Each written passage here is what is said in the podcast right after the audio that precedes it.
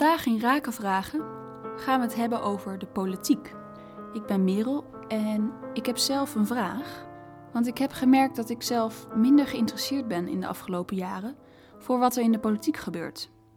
Dit merk ik ook bij veel jongeren en mensen in mijn omgeving, die ook geen interesse meer tonen in de politiek, omdat het toch haantjesgedrag is en stemmen krijgen en dat soort dingen. En we hebben daar weinig invloed op. En milieu is ook veel minder belangrijk, lijkt het wel. Dus ja, hoe komt dat nou dat het zo werkt voor mij en mijn omgeving?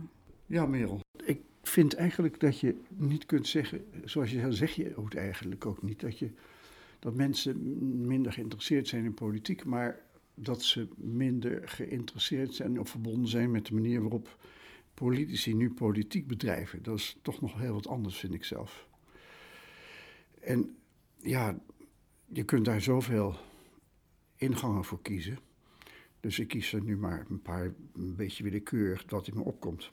Je ziet in elk geval dat mensen steeds meer van zichzelf uitgaan. En dat als je dat doet en je blijft dat doen, een post doen, dan sluit je min of meer af voor al die dingen waar je toch geen invloed op kunt uitoefenen. Of waarvan je zegt, nou, dit gaat wel langs me heen. Alleen datgene wat je raakt en waar je invloed op kunt uitoefenen, dat, ja, daar ga je dan wat mee doen. Dus op het moment dat je het gevoel hebt dat je niet meer invloed hebt, dat ze niet meer luisteren, politici, dan is het automatisme bij zo'n oriëntatie, als je zo in de wereld staat, dat je denkt, nou, het zal wel, en je wendt je af. Dan, dan ben je nog steeds niet echt ongeïnteresseerd in politiek, maar wel in de manier waarop het politieke proces nu verloopt. Je moet erbij, volgens mij tenminste, bedenken dat ook alle politici, uitgaan van zichzelf, heel erg zelfreferentieel zijn geworden. Dus ze staan niet meer voor een overtuiging die ze uitdragen of een ideaal, maar ze zijn zichzelf aan het verkopen met het doel stemmenwinst te krijgen. Het is een marketingmachine geworden. En je pikt van de ander wat jij denkt dat jou ook helpt. Dat is een proces wat heel lang loopt, al 50 jaar bijna. Begon met een artikel van de meneer Downs, ik meen in 57, waarin hij schreef dat politici echt uitgaan van zichzelf en idealen gebruiken om zichzelf te verkopen.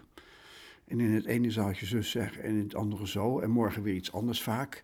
Want ja, waarom zou je consistent zijn? Het gaat om de vraag of je kiezers trekt en krijgt. En of dat omgezet kan worden dan in macht. Dus dat hele proces waarin mensen steeds meer uitgaan van zichzelf en verhalen houden om kiezers te trekken, dat, dat zie je in de politiek heel erg uh, langskomen. En dat zeg je eigenlijk ook, haantjesgedrag. Uh, het gaat niet meer over een inhoud. Het ultieme vorm, de ultieme vorm daarvan zag je natuurlijk nu in de Verenigde Staten. Dat mensen zat zijn van rationaliteit eh, die uh, de periode Obama kenmerkte en ook daarvoor. En ook al steeds zelfreferentiëler worden. En kiezen dan uiteindelijk een president die extreem zelfreferentieel is die ook niet consistent is, uiteraard, want dat hoeft hij ook niet te zijn, vindt hij zelf. En dat hoort ook bij die zelfreferentialiteit. Dus je, je ziet ook een overgang naar een hele andere cocktail van wat voor mensen betekenis heeft. En dan zie je ook dat heel veel mensen nu eronder lijden dat het klimaat en biodiversiteit niet het gewicht krijgen wat het zou moeten hebben. Ik merk dat ik nogal eens mensen tegenkom die praten over duurzaamheid en dan bedoelen ze dat iets langer meegaat. Dus de timmerman, als het woord duurzaam gebruikt, moet duurzaam zijn. Dan bedoelt hij, het moet langer meegaan. En je ziet in de politiek ook mensen die dat zo gebruiken. Duurzaam is dat iets langer meegaat. En dan zou het effectiever zijn en minder energie kosten en cyclische uh, bronnen gebruiken.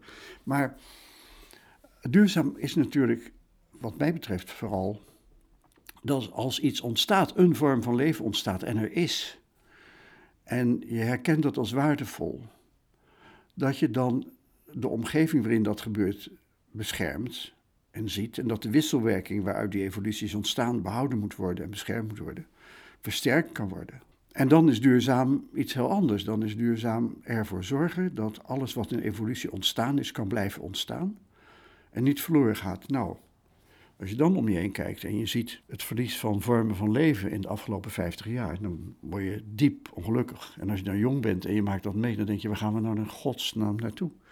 En dan gaat het niet eens over het stijgen van de zeespiegel, maar over het verlies van vormen van leven. En dus ook verlies van variëteit tussen mensen en hoe ze erover praten. Als je dat ineens herkent, dan zie je dat politici de realiteit die we nu hebben zitten te maken met economische perspectieven en met werkgelegenheid. En dat dat dan ook de maatstaf is en alles afgerekend wordt in geld. Ze negeren daarbij heel erg wat essentieel is voor leven. Roepen dat het duurzaam moet zijn, maar dan maken ze ook weer een businessmodel van.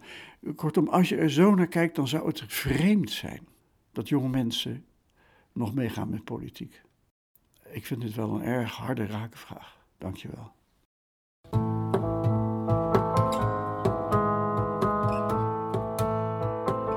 Wil je ook je eigen rake vraag beantwoord zien worden?